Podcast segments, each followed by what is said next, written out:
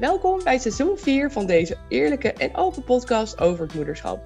Dit seizoen interview ik leuke en inspirerende gasten in mijn podcast. Moeders die je misschien al kent of juist helemaal niet. We gaan weer een hoop taboes bespreken en doorbreken. Eerst een berichtje van mij. Ik heb iets nieuws.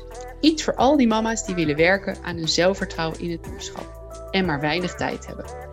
Een online programma dat heet Zelfvertrouwen voor Mama's. En dat kan je direct downloaden. Dus geen vaste tijden of een schema. Jij bepaalt hoe snel je gaat. En dat, dat kan gewoon vanuit je huis. Voor slechts 99 euro download je het hele programma met 12 modules en leer je stap voor stap hoe jij jouw zelfvertrouwen kan vergroten. Dus waar wacht je nog op? Download nu Zelfvertrouwen voor Mama's via of klik op de link bij deze aflevering.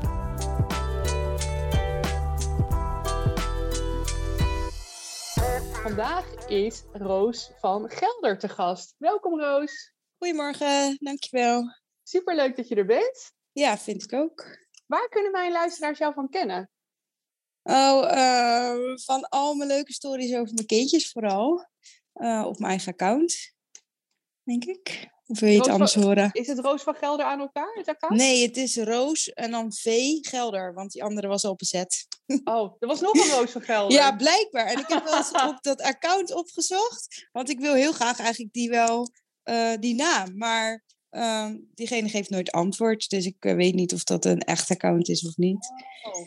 Ja, okay, dat is wel jammer. Mysterie. Nou ja, ja. Dan, goed, dan weten moeders in ieder geval na deze aflevering wel waar ze je kunnen vinden. Ja, die goede kant op. Alrighty. Hey, um, wij gaan het vandaag hebben over uh, Montessori, uh, uh, hoe zei je dat, opvoeding? Mm -hmm. Hoe noemde jij het nou? En onvoorwaardelijk ouderschap. Ja, juist. Ja. Dat vind ik dus een heel leuk onderwerp, want daar heb ik het nog niet eerder over gehad in mijn podcast. En um, ja, vertel er even wat meer over.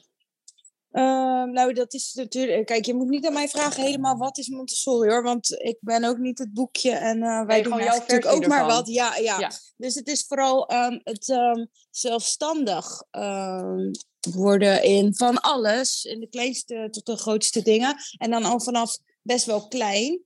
Um, okay. Je hebt natuurlijk daar ook scholen uh, van. En daar is ook ja, een beetje een ander soort uh, onderwijs dan een... Maar hoe ziet dat er dan bijvoorbeeld uit bij jullie thuis? Dat thuis. je vanaf heel jongs af aan al leren dingen zelf te doen?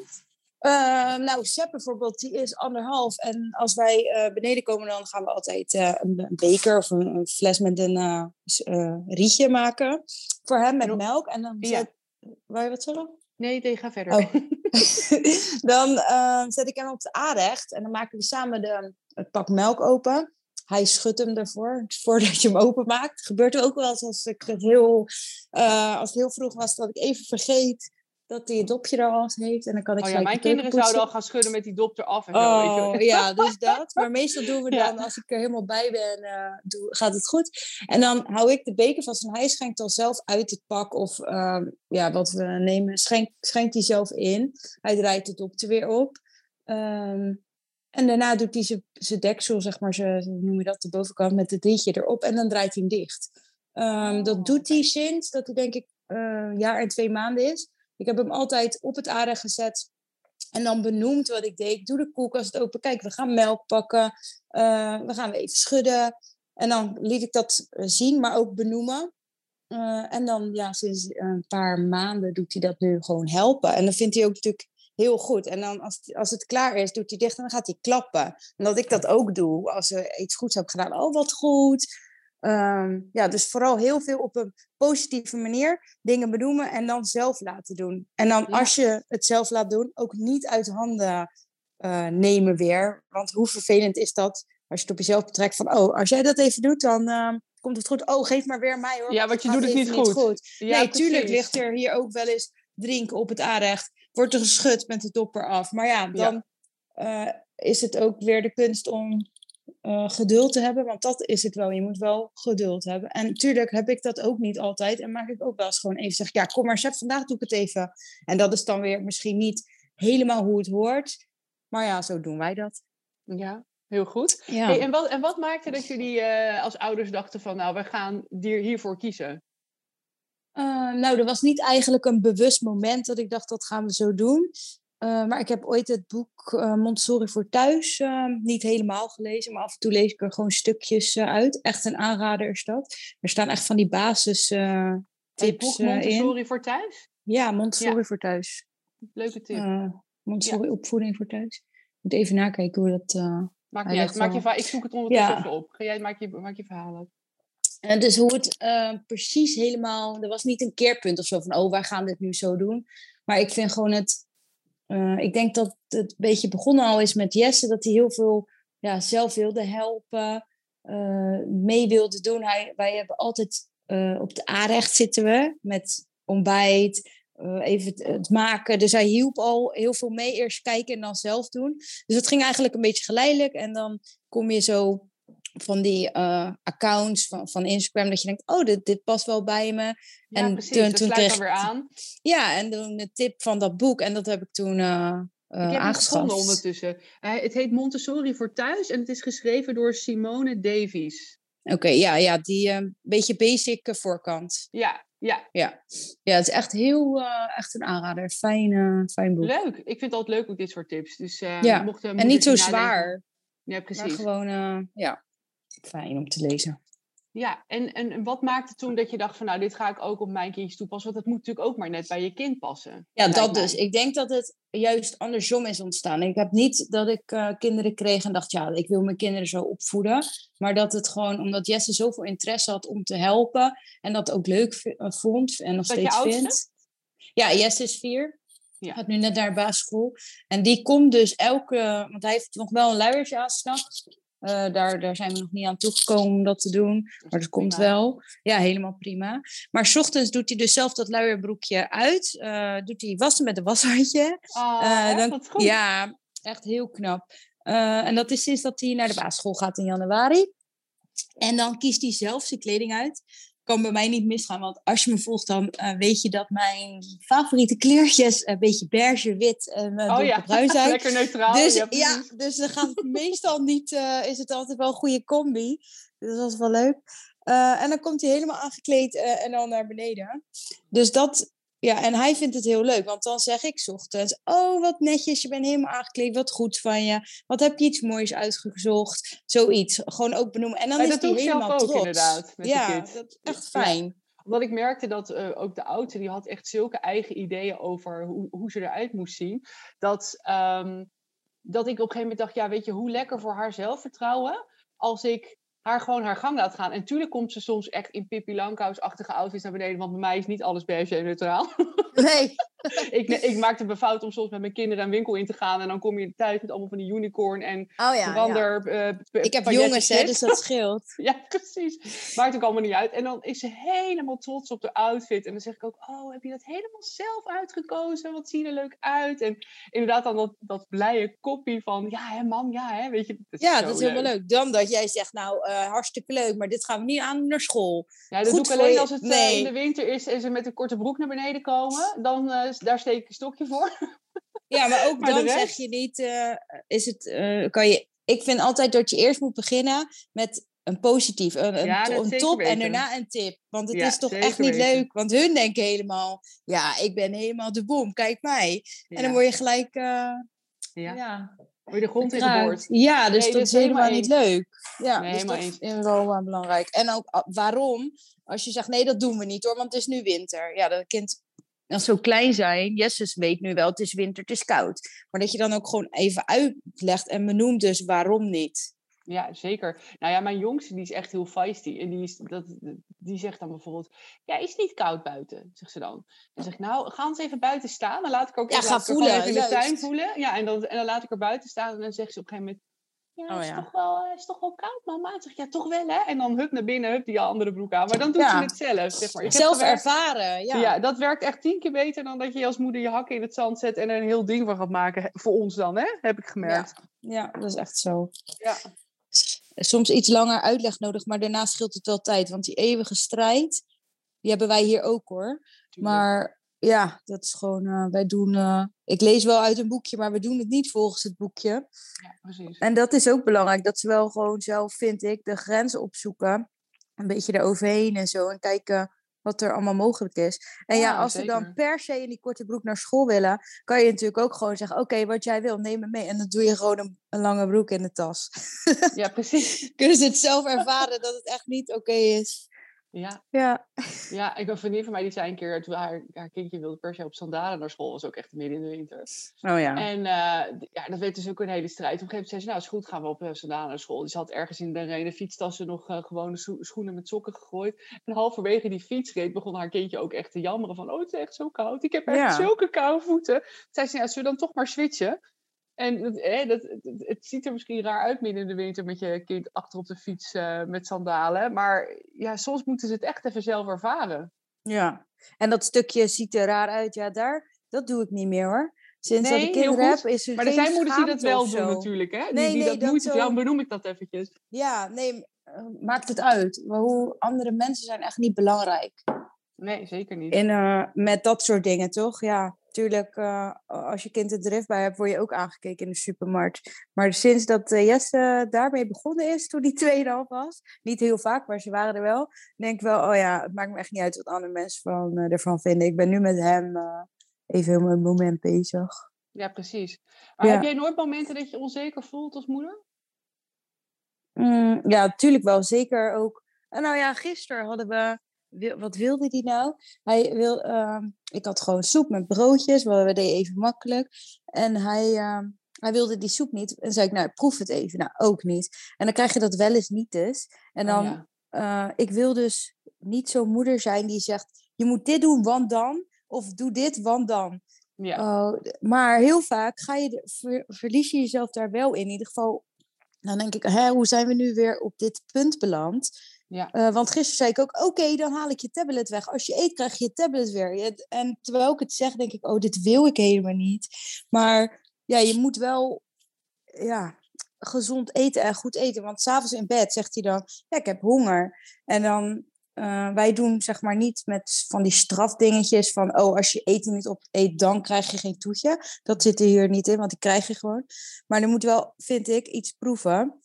Maar Ja. had hij, ik weet niet, hij had gewoon, hij was moe en dan, ja, dat uiten gaat dan eh, iets lastiger.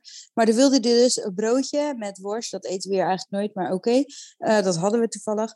En dan ging hij al die plakjes worst van zijn brood eten. En dan het ja. laatste stukje waar niks op zat. En dan daar nog een soort strijd met mij over voeren. Oh, van nee, dat ga ik niet opeten. En ik heb, zeg het dan drie keer. En dan is voor mij ook een opgave om niet te zeggen eten. Ga nou door eten. Want dan krijg je je tablet. Maar uiteindelijk dacht ik, weet je, laat maar. Ik ga me nu op Sepp concentreren. Ik heb dat broodje op zijn bord gelegd. En dan ging hij eten en dan zo naar mij kijken of ik het zag. Dus Oh, ik ja. deed net of ik het niet zag. En toen had hij zijn laatste hap op. En toen zei ik, ja, wat goed. En nou, dan is hij helemaal trots. Ach, En gosh. eh, klaar, maar dat moment daartussen, dan ben ik ook zoekende van, eh, wat moet ik nou?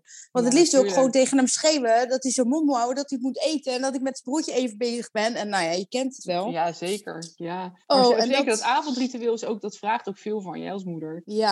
eerder eten is beter. Ja, dat is echt zo. Ik eet zelf Maar- ook altijd heel vroeg. Dat Ja, is de vijf uur enige manier. Ja, ja, maar ja, zeker. ik was eh, deze loedermoeder die, eh, oh, was niet, eh, die had niet op de klok gekeken en die had nog om kwart voor vijf een schaaltje chips aangegeven. Ja, op dinsdag, Oh, door joh, de week. Dat doe, dat doe Ja, ik nooit, joh. Nooit. Kan gewoon. maar ja, dan is het niet heel Nee, gek dat ze je, niet eten. Nee, maar ook Maar al, weet je, ze eten bij mij ook niet als ze, ik noem wel, stel we zijn de hele middag buiten geweest en ze hebben niet heel veel gesnackt en dan denk ik, nou, je moet nu uitgehongerd Honger, zijn. ja. Nou, hebben ze, e- eten ze ook geen snars, dus ik bedoel maar, het Oh, is ja. niet te zaligmakend of zo, denk ik hoor. Nee, en het gaat gewoon. eh, de ene week eten ze heel goed en de andere week niet. En er zijn ook, naar mijn idee, bij mijn kinderen geen tips. Heb ik niet. Ik gewoon doe maar wat. En Ja. ik snap het ook niet. Want soms denk ik, hoe kan je. Doe ik, zit nu natuurlijk op de basisschool. En Ja. gisteren deed ik zijn broodrom open. Zei ik, Jesse, meen je dit? Je hebt gewoon niks gegeten. Oh, Zei hij nee, maar hij gooit het er nu op dat hij geen tijd heeft. Dus ik heb uiteraard al even ge- geïnformeerd bij de juf van hoe lang hebben ze de tijd? Hoe kan dit? Maar Jess is gewoon afgeleid en die zit dan overal eh, omheen te kijken. En nu gebruikt hij dat dus bij mij. Hij is nu al, dat ik denk, oh wat erg. Maar die van mij heeft nee mama, heb tijd geen hoor. tijd. Ja, maar dat kan niet. Eh, 20 Ja, minuten en een half dat uur. Jawel joh. Ik denk als je, als je kinderen snel afgeleid zijn, dat hebben die van mij Ja, ook, dan dat kan dat dus. prima. Ja, denk ik juist. Dan Ja, maar hij heeft nou, niet- hé, wat gebeurt daar? Voor één boterham hebben ze wel genoeg tijd. Maar hun zijn te druk in die tijd bezig met andere dingen. Dat weet ik. Dus ja, ja. Maar ja, ik denk dat dat gewoon dan de aard van het beestje is. Ja, daar kan je ja, niet hoor. veel aan doen. Nee, nee. Dus het is gewoon... eh, Dus dat Ja, is wat ik bedoelde met tuurlijk kan dat wel. ja, ja, ja. het gebeurt gewoon. En ik, als En ik dan, juf? mijn jongste heeft dat ook. En dan zeg, en dan zeg ik van, eh, goh, maar eh, wat, wat gebeurde er dan dat je zo afgeleid was? Ja, dat weet ik. Dat kan ze ook niet echt uitleggen. Nee, dat maar het is dan allemaal niet. zo boeiend wat er gebeurt. Op die, het is allemaal zo nieuw nog, die school. Helemaal Ja, onder de indruk. Bij ons lezen ze verhaaltjes voor of ze kijken wel eens een filmpje. Dus het is ook wel te verklaren. Ja. Maar ja, ik snap dan niet dat je dan, als je je tien uurtje niet op hebt, omdat je aan het spelen was, dan heb je toch om twaalf uur half één, dan heb je toch wel een beetje trek. Ja, Ja. En ja, uit dat school lijkt mij ook. zou je dan die boterham opeten. En dat ging de eerste week supergoed, want dan zeiden ja, ik had niet veel, veel tijd. Maar de juf zei, eet je boterham thuis maar verder op. Eh, en dan ging hij het na school eten. Dacht ik zo, dit is mooi. eh, Ja, eh, precies. hij gaat gewoon voor ineens goed eten. Nou, hij gaat Ja. nu zes weken naar school. En het, nee hoor, dus niet meer zo. maar we moeten wel eventjes, even een keertje op een rustig momentje even met hem praten. En het gewoon een beetje uitleggen. Want ik Dus snap het wel. dan de, koor, de korstjes ook niet weg. Dus dat, is al ook, oh, dat vind ik ook zo komisch. Dat hebben die Oh, ja. allebei. Die, die zijn dan niet van de korstjes. Dus nu dacht ik, nou weet je wat, dan doe ik eentje met en eentje zonder. Een soort compromis. Oh ja, Kijk ja of dat, dat wel lukt. ik knip altijd de bovenkant er vanaf. Want wij hebben altijd eh, harde korstjes aan de bovenkant. Oh, ja. En dan doe ik zo eh, die eraf en dan heb je wel aan de onderkant. En als je je boterham dan eh, omdraait, zeg maar, dan heeft de ene kant van de boterham wel korst. Dus dan heb je maar aan één kant korst. Snap je wat ik bedoel? Ja, ik snap hem. Ja, dus, eh, Nee, niet die dubbele korst. Ja, zoiets. Maar, Maar dus, ja. eh, eigenlijk, eigenlijk zeg jij van, ja, ik heb geen tips hè, wat betreft tot het moederschap. Nee. Ik, ik doe maar wat. Nou ja, ik hou ervan, lekker eerlijk.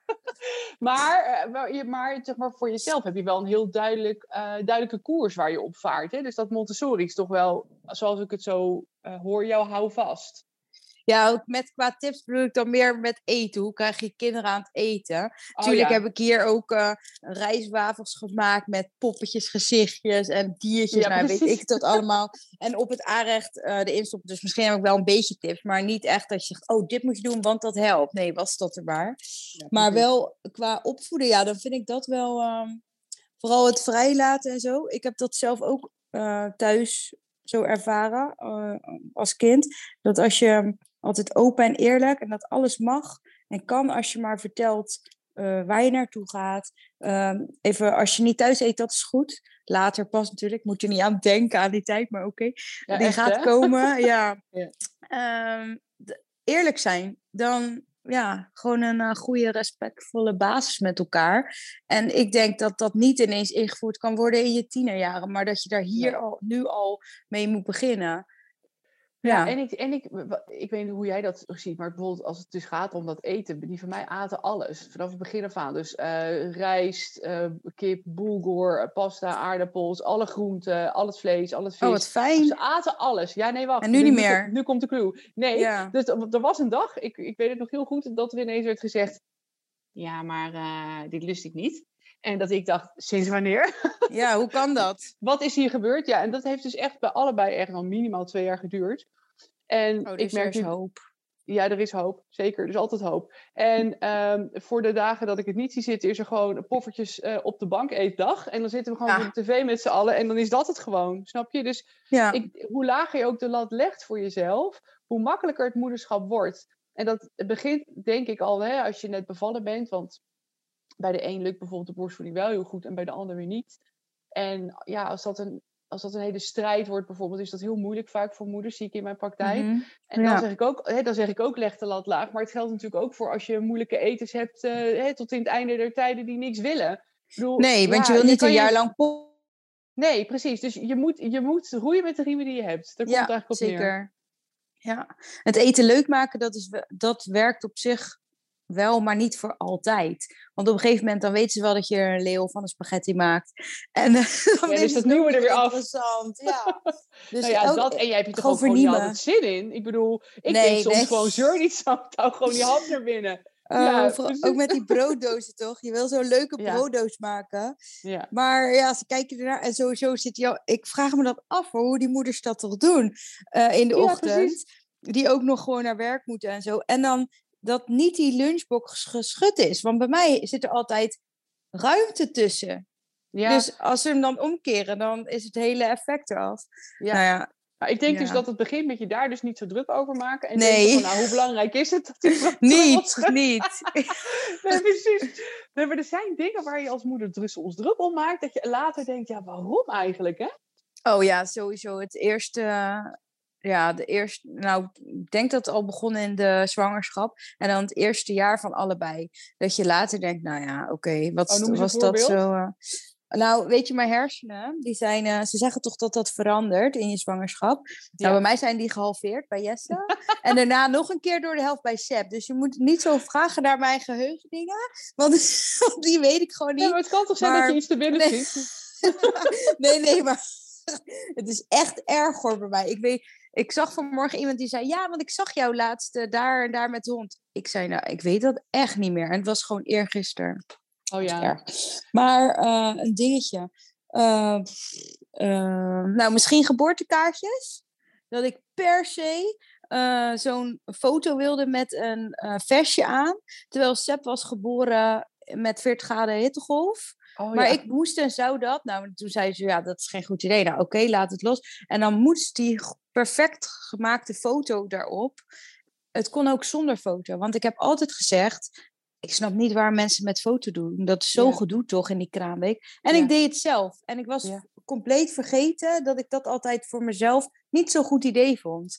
En toen wel. Oh, maar soms denk ik wel eens, waar is nou iemand die zegt tegen mij, hallo Roos, doe even normaal. Je weet toch? Ja, mijn man doet dat. Die zegt dan, ja, ja, Til, doe even normaal joh.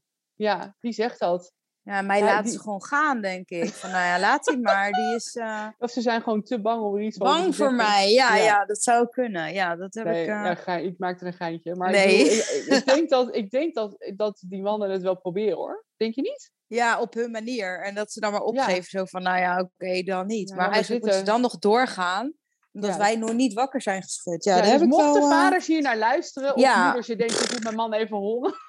Zet even de oortjes door, over. Ja. Ja toch iets harder proberen nog, want we slaan soms een beetje door. Ja, en later, als je dan weer. Ik denk dat dat ook echt met je hormonen in de maand te maken heeft hoor. Dat je een week later al denkt, nou ja, wat uh, heb ik daar zo'n ding uh, van gemaakt? Ja. Ik denk dat ook met die geboortekaartjes trouwens, bedenk me nu bij de eerste. Ja. Toen kwam mijn schoonvader, ja, die, kwam, die is fotograaf, die kwam toen in het ziekenhuis uh, foto's maken. En ik weet, dat is ook totaal langs mij heen gegaan. Want op een gegeven moment moest hij inderdaad die foto's moesten naar de drukker. Nou, noem het allemaal op. Daar ben je inderdaad hartstikke druk mee. Terwijl als jij van tevoren de naam bijvoorbeeld weet en allemaal al doorgaat aan die drukker, hoef je alleen maar te zeggen: hé, hey, ze is geboren, dit is het gewicht en, uh, en de, Hoe en de datum en de tijd. Ja. ja, toch? Ja, dat vond ik ook echt een verademing. Ja, die geboortekaartjes waren al een ding bij Jesse. En ik had besloten, dat gaan we bij SEP niet doen. Ik vind dat ouderwetse zo leuk, dat je nog binnen een dag eigenlijk de kaartjes al verstuurt. Tuurlijk weet iedereen het, uh, om je heen al, dat die is geboren, of uh, een meisje. Maar um, ik vind dat oh, gewoon zo leuk, dat zo snel mogelijk dat kaartje er is. En oh, ja, dat, dat wilde ik, uh, met Jesse ging dat mis. Met Seb hadden ze nog de verkeerde kaartjes eerst hierheen gestuurd. Daarna oh. waren ze kwijt. En oh, dan in mijn kraamweek, en dat heb ik echt al ervaren als dat ik dan heel erg in de war ben, twee keer. Um, ja. dan, en dan zo'n gedoe met die kaartjes. En dat, dat heeft mijn hele kraamperiode wel een beetje overheerst met Seb. Dus die, oh, uh, ja, dat is Maar wat, wat maakte dan dat je je er zo druk om maakte? Vertel eens. Ja, ik ben uh, denk ik gewoon, uh, weet ik wel zeker, heel erg perfectionistisch. Ik wil alles dat alles klopt en netjes is. En ja, hoe ik het in mijn hoofd heb, dat moet dan zo. En ja, dat ging dus niet. En dat hoeft ook eigenlijk helemaal niet. Want als je een week later die kaartje verstuurt, nadat je bent bijgekomen dat je een baby hebt gekregen of weer een baby hebt gekregen, uh, dan is het veel relaxter. Maar ik kon het gewoon niet loslaten. Dus als ik ooit nog een baby mag krijgen, dan zet ik alleen de naam erop uh, en geen datum. En die laat ik alvast gewoon drukken. En dan stuur ik daarna die kaart, want iedereen weet toch al wanneer die is geboren. Ja, lijkt me slim. Ja. ik heb dat zelf ook oh. gedaan bij de tweede. Gewoon, en ik dacht op een gegeven moment, ja, dan krijg ik weer tante Beb of ome Henk die ik nooit zie aan het... Nee, daar heb ik allemaal helemaal geen zin in. Dus ik heb hem ook heel laat verstuurd inderdaad. Ja, super slim. Dat wil je helemaal niet in Kraamweek. Maar ja, ook weer wel. Want je vindt het, ik vond het toen heel leuk om wel ook kaartjes terug te krijgen. Maar die krijg je toch wel door alle ja, online uh, informatie die je geeft. Maar ik weet niet, dat was echt uh, twee keer vooral een dingetje waar ik heel erg aan vast ben geklampt. Ja, precies. Hey, en dat perfectionisme, was dat iets wat je al uh, ervaarde voordat je zwanger werd? Oh, ja, ja, dat zit gewoon echt in de aard van het beestje. Ja, dus dat herken je wel van jezelf. Ja, alleen probeer ik dat bij mijn kinderen natuurlijk niet zo door te voeren. Want die hoeven niet. Uh, vaak denken mensen dat wel, dat Jess en Sepp er helemaal gesteld en zo uitzien. Nou, ze hebben gewoon kleren van de zagen aan, niks bijzonders verder. Um, en ze kiezen het zelf uit, maar ja, ik vind het wel gewoon belangrijk dat ze er uh, fris uitzien. Dus uh, schone neusjes, uh, gepoetst gezichtje. En tuurlijk zien ze er ook wel eens even niet uit, maar dat hou ik wel bij. Zoals ik denk wel de meeste moeders. Maar wij hebben wel veel wit ook aan. Um, en dan vragen moeders ook heel vaak, hoe kan dat? Ja, die bij mij worden ook gewoon vies. Want ik hou ook nog eens niet van slabbetjes. Dus dat doe ik ook niet om. En dan is het ook vies. Maar als je er gelijk uh, Dusty op smeert, dan is het eruit. Oh, goede dus tip. Ja, dat is echt top. Maar even, uh, want je zegt van ja, mensen denken dat. Maar hoe komt het dan dat mensen dat beeld van jou hebben, denk je? Mm, ja, misschien door de stories en de foto's die ik dan daarvan plaats. Maar ja, je ziet ook bij mij dat ik laat ook zien dat hier wordt gekleid zonder placemat. En dat ik uit de nerven van de tafel uh, ja, de restjes klei moet. Uh, ja. ja. maar ik laat dat wel gaan. Ik ga niet halve... Ja. Kijk, uh, ik was even de was aanzetten, kom beneden. Ik dacht, wat is hier gebeurd in die drie minuten? Ja. Maar ik laat het dan maar gaan. En daarna, als ze dan klaar zijn, dan ga ik wel even uitleggen van... Nou ja, kijk, dat is eigenlijk niet helemaal de bedoeling, hè. Want kan je me even helpen? Dus het is hier echt niet een... nee, spik en span altijd, zeker nee, niet. precies. Maar ik denk ook dat het dan ook komt misschien door wat je dan deelt of wat mensen toevallig net zien door het algoritme. Want dat werkt natuurlijk twee kanten op. Ja. En ik kan me ook voorstellen dat het, de ene keer is het door wat je zelf deelt of niet deelt. En de andere keer is het omdat mensen het gewoon niet zien. Dus ik, ik denk het, ja. Dat, want het is echt, ik laat, wil juist laten zien dat je zou nu mijn huis moeten zien. Er ligt, ik zie nu nog een beker op de grond waar gewoon druppels melk uitgelekt zijn. Oh ja, Ga ik zo even oprapen. uh, ja, dat ligt dan ook weer zo half achter uh, een zitzak. Ja, ja echt hè? Ja. Humor en, zal uh, ons redden en eerlijkheid ook, zeg ik altijd. Ja, het moet gewoon, en dat wil ik ook echt laten zien. Dat doe ik ook echt wel. Ja, dus ja, ja, het is ook zo soms lastig. Want het is hier echt niet perfect. Het is nergens perfect. Alleen ik hou wel van voor mezelf gewoon rust en opgeruimd. En dat het als de kindjes naar bed zijn, dat het hier alle intertoys gewoon in de kast is. Ja.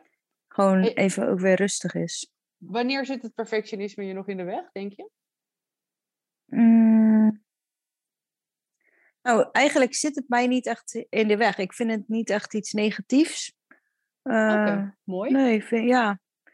Ik ervaar dat wel, dat vind dat wel zegt, ja, jij altijd denkt, ja, maar heb jij daar last van dan? Want je vindt het toch fijn dat uh, de kast op kleur is en uh, alle onderbroeken gevouwen liggen, nou ja, noem maar op. ja, en nee, hij heeft daar geen last van, denk ik. In ieder geval. En misschien ik wel, omdat ik dan, zeker in mijn zwangerschap, dan wilde ik, voordat de baby er was, ging ik elke avond stofzuigen en moppen de laatste maand. Want alles moest helemaal schoon zijn. Nou, oh, ja. zou je lachen, op de dag van dat Seb werd geboren, was mijn moeder met twee honden of één hond op het strand met Jesse. Die kwamen terug. Er stond hier een bad in de tuin. het hele huis lag vol met zand. Uh, dus, en toen dacht ik, ja, let it go, want we kunnen er nu echt uh, niks aan doen. Heel goed. Ja, alleen dan natuurlijk door... Ik had wel echt last van, van al die hormoonschommelingen en zo. Dus toen heb, heb ik ook heel boos tegen Vincent gedaan... dat hij nu moest gaan stofzuigen en nu dweilen, want het huis oh, ja. zag er niet uit. Terwijl ik de dag maar zou je dan niet... Ik, ik, ik schaar dat wel een beetje onder uh, dat het je dan wel in de weg zit, snap je? Want als je net bevallen ja, bent, dan... wil je daar natuurlijk niet druk over maken. Nee, maar ja, dat heb ik wel. En dat er ik stond drie dagen nadat Sepp was geboren al te koken. Toen oh, kwam toevallig ook nog de verloskundige langs. Zei, wat doe jij nou? Zei, ja, uh, het gaat hier gewoon door, hè. Want we hebben nog een kind. Ja. Die ook gewoon, ja. En het kon. Ik voelde me goed. Dus het was prima. En het geeft mij rust als ik dat dan zelf op orde heb. Dus wie heb ik ermee? Niemand. Want ik vond het fijn om te doen. Uh, ja. En natuurlijk denk ik achteraf, oh ja, ik had het ook wel lekker gevonden om een week lang vertroeteld te worden in bed ergens. Maar ook weer ja. niet. Het is zo dubbel. En het was ja, uh, 35 graden, hè? Dus ja, precies, in bed liggen was helemaal geen optie. Nee. Dus ja, ligt ook gewoon een beetje. En mijn uh, vriendinnetje die is nu net bevallen. En die wordt dus wel helemaal zo vertroeteld. En dan denk ik, oh ja, dat is wel fijn, hè? Dat je gewoon niks hoeft te doen. Maar bij Jess heb ik dat wel gehad. En bij uh, Seb dacht ik, ja, we gaan ook gewoon door. Uh, het leven gaat gewoon door. En ik wil niet eigenlijk niet de hele dag op bed liggen. Dus nee, in dat moment vond ik het prima. En achteraf ja. denk je wel, oh ja, dat wel lekker geweest of zo. Maar ja. Ik weet het ook allemaal niet. Ik ben ook Ja, echt ik zo'n bij de vrouw. eerste is het, is het, vond ik het ook makkelijker, maar deed ik het niet. Omdat ik inderdaad vond van, nee, als de visite komt, dan moet ik er gewoon gezellig bij gaan zitten. Weet je, dus dat, dat, toen legde ik de lat heel hoog voor mezelf. Terwijl ik was ingeknipt, ik kon amper lopen, zitten en het deed allemaal zo zeer. Ja. En bij de tweede had ik een keizersnee. En had ik al eentje rondlopen. En dacht ik steeds, ja, ik, moet, ja ik, ik lig in bed, maar eigenlijk wil ik ook gewoon bij de oudste zijn. ja, Nou, dat kan wel- echt niet. Nee, dat ging echt niet. En toen, gelukkig zat ze ook op school. Dus ik had de druk Oh niet ja. constant. Dus Ja. dat was wel fijn. En tegelijkertijd wilde ik eigenlijk helemaal niet dat ze naar school ging, weet ik nog. Want ik dacht, nee, we moeten met z'n allen bij elkaar, weet je wel. Want ik vond het zo fijn om dan als gezinnetje in die bubbel te zitten. Ja, herkenbaar, ja. Ja, ja precies. Dus het- ik denk dat dat beide heel herkenbaar is. En wij hebben helemaal geen visite gedaan bij SEP. Ik wil dat echt niet. Dat gedoe en zo allemaal. En dan inderdaad dat je... Dan, mensen komen om een bepaalde tijd natuurlijk. En die komt op dat moment dan uiteindelijk helemaal weer niet goed uit. Dus wij hebben alleen de opa's en oma's. En Vince's broer, mijn zusje. En verder gewoon niemand. Het was na twee, drie weken of zo dat er eens weer iemand eh, kwam. En dat vond ik heel fijn. Maar er waren- ook heel veel moeders die dit hadden door de pandemie natuurlijk. Dat ze gewoon Ja, helemaal geen kraamvisite hadden. Ja, en sommigen vonden dat dus heel fijn. eh, ook sommigen vonden dat helemaal niet fijn. Die dachten echt, ja, ehm, ik wil eigenlijk wel gewoon mensen over de vloer. Dus het verschil denk ik ook heel erg in ehm, ja, hoe je zelf in elkaar zit, denk ik. En Ja, de zeker. situatie, denk ik. Ja. Ja, ik, ja, ik eh, vond het fijn dat er eigenlijk niemand kwam, maar ook weer niet. Ja, daarom is het allemaal zo dubbel. Net bevallen, je weet het allemaal niet. Eh, dat er niemand kwam en dan leek het net alsof mijn kind niet bijzonder was. Terwijl ik dat natuurlijk zelf deed, want ik wilde liever niet dat iemand kwam.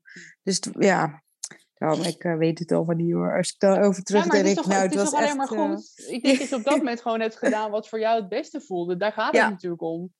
Ja, want ik heb zelfs de kraamzorg na twee dagen weg. want anders hadden we Echt? vier verschillende in een week gehad. Ja, ik trok dat helemaal niet. Oh, maar dat allemaal ook een beetje too much vinden hoor. Ja, dat was echt niet leuk meer. Was dat met, door eh, corona dan? Of wat, waar kwam Ja, door? vakantie, want Sepp is in augustus geboren. Dus dan Oh. kwam het, eh, ja.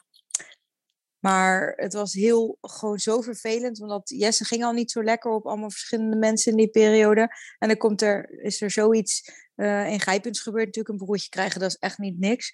Ehm, en dan kwamen er ook nog elke dag andere mensen en zo. En ik wilde ook dat niemand die baby aanraakte, want ja, het is misschien, ja, dat, dat is misschien weer dat perfectionisten wat me toen wel een beetje in de weg zat. Ja. Ehm, door corona en zo. En daar was ik helemaal niet echt bang voor. Maar niemand wil ziek zijn. Ook geen griepje of verkouden als je eh, zwanger bent, bijna moet bevallen of net bevallen bent, toch? Dat wil je niks hebben. Nee. Ehm, dus toen dacht ik, oh ja, we moeten een beetje uitkijken. En toen had ik er dus, waar ik wel best wel spijt van heb, ervan voor gekozen om ehm, de baby, Sep, pas eh, na een maand of zo, drie, vier weken, dat eh, onze ouders hem vasthielden. Ehm, Waarom heb je daar spijt van? ja, omdat ik dat eigenlijk best wel erg vond. Als ik foto's terugzie, dan vind ik dat... eh, nou ja, ik vind dat nog steeds best wel moeilijk. Net alsof ik dacht, oh, dus mijn baby, niemand mag er aan zitten. Ehm, ja, me zo gek heb laten maken door dat coronabeeld wat er dan toen was. Ja, Ja, oh zo. Dus je ging je echt uit angst, daar heb je het niet gedaan, bedoel je? om zie- ja, ja, en dat vind ik echt Ja. erg. Want toen zat dat er, was dat nog zo anders dan wat we nu allemaal eh, weten. Eh, dus dat vind ik wel erg. En dan had mijn moeder hem zomaar ineens vast uiteindelijk, zonder dat ik er een moment van maakte. En hoe tof is dat als je je baby zo eh, in de eerste dagen aan je ouders kan geven. Want die hebben natuurlijk ook een nieuwe rol gekregen. Ja. Dus dat vind ik wel lastig. En dan had ik zo die baby ik.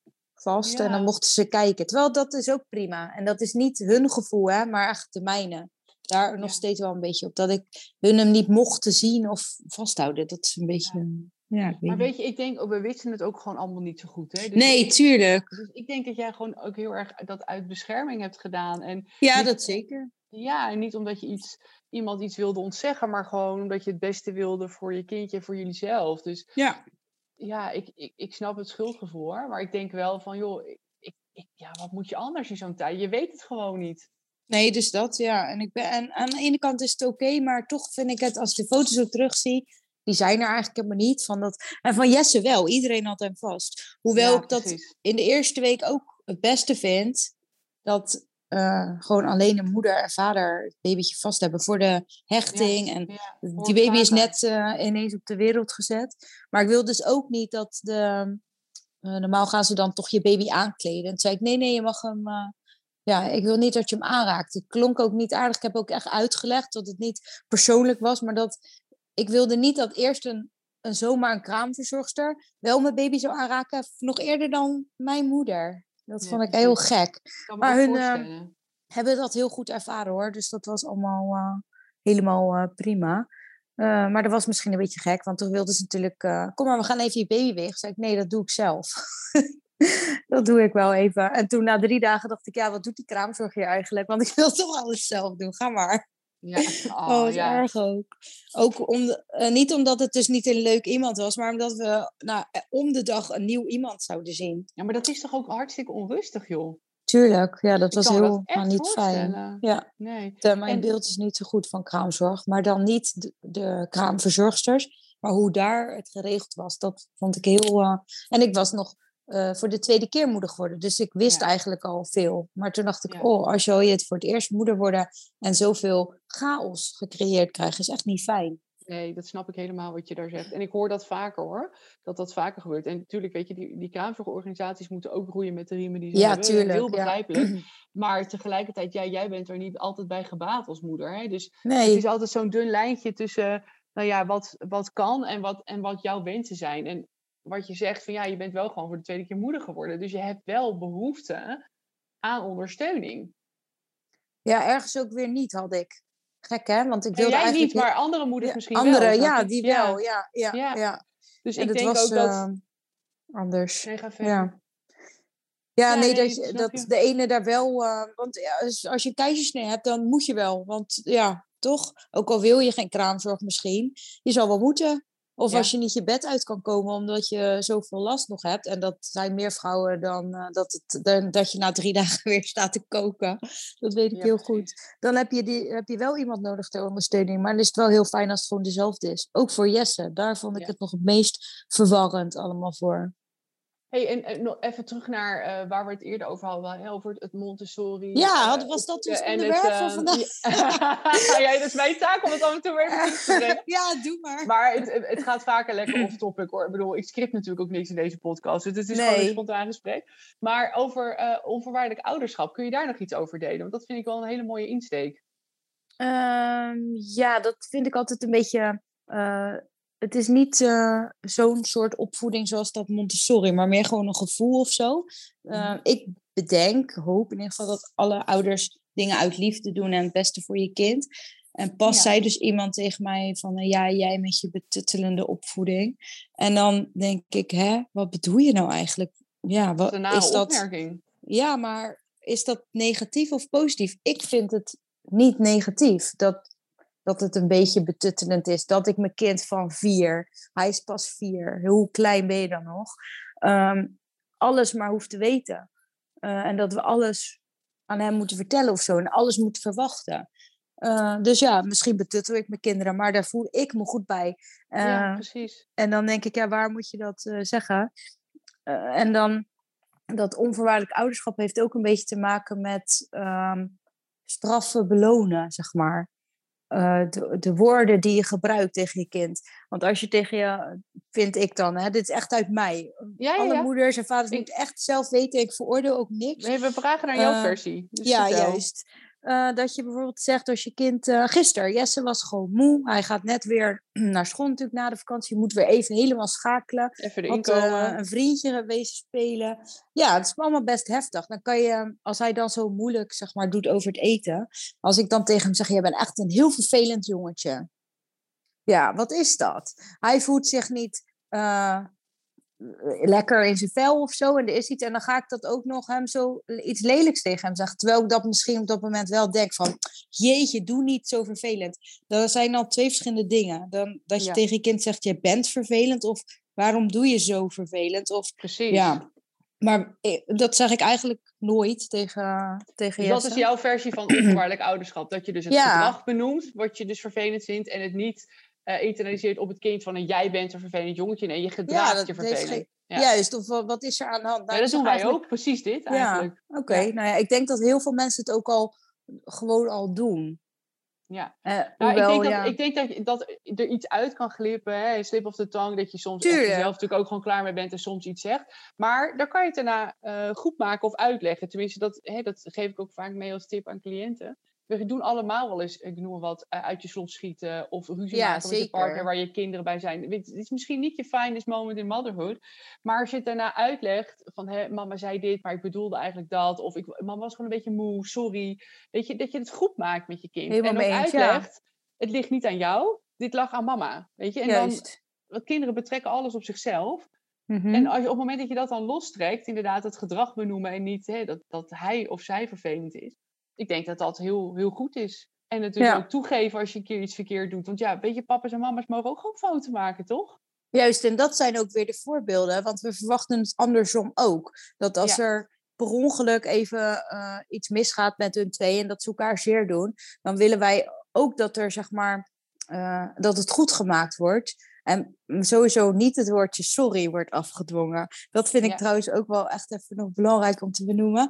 Dat je opgelegd iets moet zeggen. De kind weet niet eens wat dat is, sorry. Als die dat voor, weet je wel, gaat praten, waar- waarom moet ik dat zeggen? Hoe doe je dat dan? Als ik de ene de ander slaat bijvoorbeeld, wat zeg je dan? Wat moeten ze dan zeggen van jou? Of laat je het gewoon Eh, helemaal in het midden? Nou, eh, natuurlijk hebben we dat met dat sorry eh, in het begin ook wel een beetje gehad. Dat je dacht, ja, hoe ga je dat nou aanpakken en zo. Ja, precies. Maar wel gewoon, nou ja, eh, gisteren gingen ze zwaard vechten. Ja, dat doen ze hier. Ik heb echt twee jongens. en eh, toen eh, deed Jesse gewoon iets te hard en hij schoot uit op het gezicht van Seb. Nou, Seb huilde natuurlijk. En dan zegt eh, Jesse, ja, ik deed dat helemaal niet. En dan probeer ik uit te leggen, nee, je wilde Seb niet zeer doen, maar je schoot uit en het kwam wel tegen recht. Kijk maar, want het is rood geworden. En Jesse wordt dan altijd een beetje ongemakkelijk van, omdat hij Ja. zich dan beseft, oh jee, dat heb ik gedaan. Ik word Ja. sowieso nooit boos daarom, want dat kan gebeuren, zeg maar. Tu- Als ik zie dat er iets expres is, dat is nog niet gebeurd, maar dat Ja, gaat precies. waarschijnlijk ook echt een keer komen. Kijk, dan is het wat anders. Ik maar dan- zeggen, want als iemand hier in huis iemand de ander expres pijn doet, ja, Ja, dan eh, ben ik wel even pittig ja, hoor. Ja. Maar ik vind alsnog wel, als je dan vraagt aan je kind van, heb jij dat expres gedaan? Ze geven eerlijk antwoord, is het wel lastig om daar dan boos op te worden. Want dan Nee, dat ben ik met je eens. Ja, de- want dan, dan is de ja. eerlijkheid ook heel belangrijk. Ja, ja, dan dat moet vind je- ik ook. vind ik eerst benoemen van, nou goed dat je het eerlijk aangeeft, dat je het zegt. Maar dit is niet echt leuk. Hoe zou je het vinden als ik dat bij jou eh, zou doen? Zoiets. Nee, eens. Eens. Ja. ja. En dat Ja, is dat zo zoekende, ook, toch? Maar ook, het, eh, bijvoorbeeld mijn jongste, die, die gaat zich verstoppen dan. Dus dan weet ze ook, ik heb iets Oh, gedaan ja. wat niet mag. Ja, dus ze gaat onder de tafel zitten bijvoorbeeld. En dan zeg ik, ja, kom maar gewoon naar mama toe. Mijn mama is niet boos, weet je wel. Dan ga ik er eerst even het vertrouwen geven dat ze gewoon bij me kan komen en dat het oké is. Ja, Dat je en niet dan- door elkaar rammelt. ja nee, Kom jij nooit. hier? Nee, Nee, never, niet. never Niemand. ever. Hoop maar ik. ehm, ja, dan, dan komt ze bij me en dan zeg ik van ja, nou liefie, weet je, ik zag wat er gebeurde. En hè, wat, inderdaad, dan vraag ik het, ging het per ongeluk of expres? Nou, dan ik inderdaad, geef zo eerlijk antwoord. Dan benoem ik inderdaad dat heel goed dat ze eerlijk is, maar ja, dat het niet oké is dat je je zus eh, op de neus hoekt met een houten blokje in je hand. Weet je wel? Nee, dat is niet Nee. oké. Dus, ehm, en dan zeg ik ook de volgende keer dat ik zie dat je dat doet, dan ga je op de gang. Dus ik, ik, ik, ik, ik verbind er ook consequenties aan, omdat ik heb Oh ja. gemerkt dat als ik dat niet doe bij haar, en dat Hm. hoef ik bij de oudste hoef ik dat niet te doen, maar bij de jongste wel. Anders, ja, dan doet ze het vijf minuten later soms gewoon weer. En dan dus wel expres. Snap je? Dus, dus Ja. die is heel erg de grenzen aan het verkennen. Maar zeker ook wat je zegt, bij de ene wel, de ander niet. Ja. Wij doen bijvoorbeeld, eh, ik ben geen fan van, ik tel tot drie en dan doe je dit. Of eh, dan kom je hier. Of eh, wat jij zegt op de gang, sorry, dat, doen ze, dat doe ik niet. Omdat dat niet bij Jesse past. Maar misschien heeft Seb wel dat de nood. Ik denk het niet, omdat het ook niet zo bij mij past. Maar bij jullie wel. Bij jullie werkt dat wel. Dus dan, er zijn zoveel vormen die je kan Ja, bij de oudste hoeft dat nooit bij mij, Oh, maar bij de jongste weer wel. Ja, ja. Ja, ja, ja, Dus dus het is ook heel erg schakelen, vind ik, tussen twee Ja, wat verschillende opvoedstijlen. Ja, wat doen we hier allemaal? Ja. Maar dat is ook per gezin zo anders. Er is niet, eh, je moet denk ik gewoon, of je moet niks. Het is het beste als je van alles uitprobeert. Wat, eh, Ja, wat en ook het weten bij dat, dat wij dus ook maar wat aanklooien. Ik vind het ook heel belangrijk dat, dat moeders mij niet op een voetstuk plaatsen. En dat ik ben ook niet de opvoedgoeroe of zo, weet je wel. Ik maak ook ongetwijfeld allerlei eh, fouten in het ja, opvoeden je van zou eens een camera moeten ophangen hè, de Ja, hele dag en dat laten zien. Oh, Ja. vreselijk. Nee, echt. Het lijkt me helemaal niet leuk ook om dat zelf terug te kijken. Maar ik denk ook dat dat het belangrijkste is. Dat we ons allemaal realiseren dat we allemaal ons best doen. En dat Juist. opmerkingen maken naar elkaar toe van ja, jij met je betuttelende opvoeding. Dat is gewoon niet, niet aardig, niet helpend. Doe het gewoon niet. Nee, Wees ja. een beetje lief voor elkaar. Ja, ik denk dat het ook heel erg gaat over het, ehm, het samen slapen en zo wat wij doen. Dat heel veel mensen Oh, daar zich niet in eh, kunnen vinden. Maar wat wij zeg maar hebben geleerd, eh, of wat wij hebben meegekregen in onze opvoeding, is niet per se het beste of zo. Hun deden ook maar wat. En Ja. dat was misschien normaal, tussen aanhalingstekens, van nou, dit doen we. En iedereen gaat er maar zo op door. Maar misschien komt er ineens iemand met een ander idee, wat beter aansluit bij dat gezin. Of Ja. in die situatie. Of en je pakt denkt, gewoon oh, verschillende dingen uit eruit die toepasbaar ja. zijn op jouw gezin. Ja. Ja, want ja, wij sliepen niet in één bed vroeger als Nee. kind. Maar Nee, mijn ik ziek kinderen... was, weet ik nog. Ja, ja, Ja. maar dat vond je wel fijn misschien. Zeker. Ja. Dus misschien had je het wel vaker gewild, maar vonden je ouders het niet fijn. Maar ik vind het heel fijn om met, me, eh, met Jesse samen bed te slapen. En Seb slaapt dan eh, in zijn ledikant en die komt halverwege de nacht ook bij ons liggen. En er zijn waarschijnlijk heel veel meningen over. Maar die Mhm. meningen, hou lekker voor je, want wat moet ik ermee? ja, Eh, en als het niet bij jou past, dan doe je het lekker niet. Ja. De- ja, dat heb ik heel erg. Dat ik denk, ja, eh, ik ga toch ook niet tegen je zeggen, nou, ik vind het echt raar hoor, dat je je kinderen helemaal alleen in je bed legt. Ik Ja. vind dat niet hoor, maar dus ik nee, zeg ik het snap ook, helemaal wat je nee. bedoelt. Nee. Waarom moet jij, omdat dat zeg maar niet normaal is van wat standaard de mensen in Nederland dan hè, doen? Mhm. Want er zijn, ga eens naar andere delen van de wereld, daar liggen de kinderen wel gewoon in bed. Of met de hele familie in één kamer. Ja, en dat, precies. ja, dan moeten ze toch ook lekker zelf weten. Ik Ik vind denk als... wel dat mensen er heel veel praktische vragen over hebben. Bijvoorbeeld, eh, hoe, hoe hou je je seksleven leuk als je met je kinderen in één bed slaapt? Ik, dat, dat zijn allemaal van die dingen waarvan ik denk, ja, dat, Eerste vraag. nee, dat kan me voorstellen. Eh, dat nou, ik zag di- dat eh, zijn dingen, maar hoe ga je dat vormgeven? vorig jaar. Nee. Een beetje een hippie. Nou, zij, hun slapen, ik weet niet zeker, maar toen ik dat las wel in één bed. Ehm, volgens mij hebben hun ook zo'n familiebed. En toen zei ze, oké, moet seks altijd in bed? Moet dat in de avond? Ja, precies. Eh, kan ook gewoon ergens anders. dat weer normaal is. Dat je Ja, dat eh, na het eten, als de kinderen op bed liggen, oh, dan gaan we even douchen en dan gaan we een nieuwe baby maken. Ja, maar precies. in bed, hè, in bed. In maar bed. ja, toen dacht ik, ja, Maar het kan waarom ook dat ergens anders. Ja, Ja, toch? Doe eens creatief. Dus dat. ehm, de, Nou dat ik zijn denk ha- dat het heel goed is haarwoorden, om dat soort dingen te, te benoemen. Want ik denk dat er heel veel ouders zijn die denken... ja, maar als je kinderen altijd bij je bed liggen, wanneer heb je dan seks? Nou, dat kan dus ook gewoon op de bank of eh, ergens anders, weet je? Ja, precies. Dat kan allemaal. Ja, of gewoon niet, want ik eh, mag geen nieuwe baby meer, dus dan doen we het gewoon niet. Nee, Ja, precies. nee ja, nooit dat meer zijn... seks, eh, Want dan mag je een nee, nieuwe klaar. baby. Ja, We zijn nu we zijn voorzien, dus dan hoeft dat niet meer. ja nee. precies.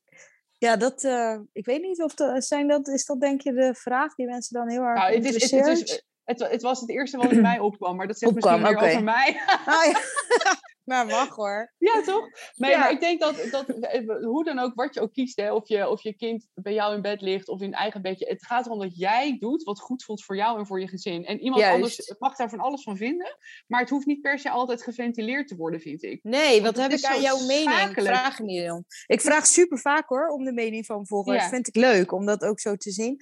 Maar die ongevraagde opmerkingen zo tussendoor, zonder hoi Roos, hoe is het? Goedemorgen of wat dan ook. Precies. Bam, het droppen. Dan denk ik, nou ja, waar, waarom? Ja, waarom doe je zo? eh, dus dat. een beetje lief. Ja en, Ja. en het is schadelijk vaak ook, want niet elke mama is zo mondig zoals jij en ik. Sommige moeders, die, die trekken het zichzelf echt enorm aan. En ja, weet je, dan, dan voelen ze zich daarna heel rot of onzeker. En dat, dat, dat vind ik gewoon niet oké. En, ehm, en ook moeders die wellicht op social media wel heel eh, zelfverzekerd overkomen, geloof me, ook die Zeker. vinden dit soort dingen moeilijk. Ja. Ja. Dus het, het, is denk ik ook heel belangrijk dat we, wat je ouderschapstijl ook is, en, en, en hè, hoe je dat allemaal vormgeeft, dat is helemaal aan jou. En daar hoeft iemand anders niet iets van te vinden. Nee, en vind ik ook, ja. voor je. Ja, En wij hebben niet altijd, Jess heeft altijd eigenlijk in zijn eigen bed geslapen. Totdat uh, Sepp een beetje geboren werd. En hij heeft een super tof bed. Heb ik zelf ontworpen trouwens. Kan je ook leuk. kopen. Heel leuk. Ehm, staat ook op, uh. Kunnen jullie allemaal zien. Bedhuisje heeft hij. Heel leuk. Ja. Eh, even tussendoor. Uh, hij heeft een heel mooi bed. Uh, daar mag hij ook zeker in slapen. Maar hij zegt gewoon... ik vraag het niet meer elke dag hoor. Maar dan... ehm, zegt hij, nee, ik ga gewoon lekker in het grote bed. Nou ja, prima. Ik heb geen last van hem. Ik vind het gezellig. Het slaapt goed. Gewoon heerlijk met mijn kinderen. En hoe lang Ja. kan ik ze nog zo dicht bij me hebben? precies. Want ja, het gaat Ook zo heerlijk. super snel. Ja. Ja. Ja, en ik, ik, ik ben een beetje van beide. Kijk, ik vind het dus heel gezellig als bijvoorbeeld Tim weg is voor zijn werk. Dan, uh, dan, dan, mogen ze altijd bij mij komen logeren. En natuurlijk als ze ziek zijn. Maar ik ben een hele slechte slaper. Dus ik slaap niet als mijn kindjes naast mij liggen. Want dan ben ik de hele bang dat ik op ze rol. Of ik ga de hele naar ze liggen luisteren. Oh, ja. Of, nou ja, noem het op. Ik, ik ben, ik, dat verantwoordelijkheidsgevoel is gewoon te aan dan bij mij.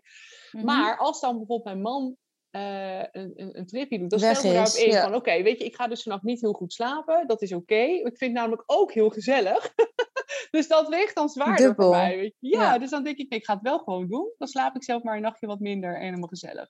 Ja, ik, slaap dus al anderhalf jaar niet, hè? Nee, precies. Maar ik heb dus, dus door mijn postpartum depressie, dat dat dus voor mij, dus dat gaat niet. Dus ik heb gewoon ontdekt, oké, ik moet dus bepaalde dingen, dus dat gaat niet. Nou, prima, ja. het, doen we het dus. En dan, en dan is het dus ook iets heel speciaals bij ons. Dat ze dus ja, dat is ook goed, toch? Als het zo... Uh... Ja. Maar ja, Seb is toch sowieso al wakker, dus ik slaap dan niet, uh, al anderhalf jaar niet heel erg uh, nee, vast. En, en, Vincent... komt van moeder, hè, zeggen ze. Ja, dus ja, dat is het. Het gaat niet meer weg. Dat blijft gewoon voor altijd. Vincent slaapt trouwens niet bij ons in bed. Hè. Ik lig met mijn kindjes uh, in bed. Ja, dus je hebt dus extra dus dan, ruimte. Ja, ja want anders dan lijkt me denk ik wel een beetje kap. Dan hadden we wel zo'n familie, familiebed. Ja, precies. Ja. Hey, um, ik, um, als er nog een tip is die jij uh, aan moeders mee kan geven, wat is dan je ultieme moederschapstip? Um, zo, dat is wel heel lastig als het in één zinnetje even moet zeggen. Nou, het eerste wat in je opkomt. Altijd alles doen met heel veel liefde, denk ik. Ja, dat, ja, ik vind dat wel het allerbelangrijkste. En vooral de eerste anderhalf, twee jaar zijn gewoon super heftig. Zeker als je voor het eerst uh, ouders wordt. Ja, uh, want onderschat ook echt niet de rol van vaders. Die, kijk, wij ervaren die hele zwangerschap, dat groeien van je kindje in je buik, al die, ja, alles wat er daarbij komt kijken. En die man, die weet wel dat die baby eraan komt, maar voor hem verandert er in zijn hoofd en in zijn lijf helemaal niks, hè? Nee, precies. Het is echt andere koek, hoor. Ja, die hebben gewoon ineens, zeg maar, een baby. Uh, maar verder gaat hun leven gewoon door. En wij als vrouwen, denk ik, in ieder geval bij mij is dat, dan is alles in teken voor de kinderen. Uh, en la dat komt later wel weer. En ik denk dat je vooral niet moet vergeten dat de eerste, nou, minimaal twee jaar, dat je echt moet wennen aan alles. Aan al Absoluut. die. De e-, ene maand slapen ze ineens goed, uh, dan weer niet. Dan wordt er goed gegeten, dan weer niet. Uh, die buien, die sprongen, alles verandert steeds. En ik denk dat Jesse was ja, twee en twee maanden. Toen ineens werd het stabiel hier helemaal met vaste tijden en zo. Dat, ja. En bij sommige kinderen is dat helemaal niet. En dat is natuurlijk ook goed. Maar toen kwam er eindelijk een beetje meer rust of zo. Ja, dat geloof um, En, dan is er ruimte voor elkaar weer. Dus ik snap het, dat als je in het begin, uh, als je kind er net is, dat je echt denkt, we zijn elkaar kwijt en we leven alleen nog maar voor de baby. Vooral de vrouw leeft alleen nog maar voor het kind. In ieder geval, dat was hier. Um, maar niet vergeten dat het echt wel weer goed komt. Maar dat je ja. sommige dingen even op een andere positie moet plaatsen. Je relatie even tijd op nodig. Een, ja, ja, ja. Je moet je, je niet uit elkaar gaan. vinden.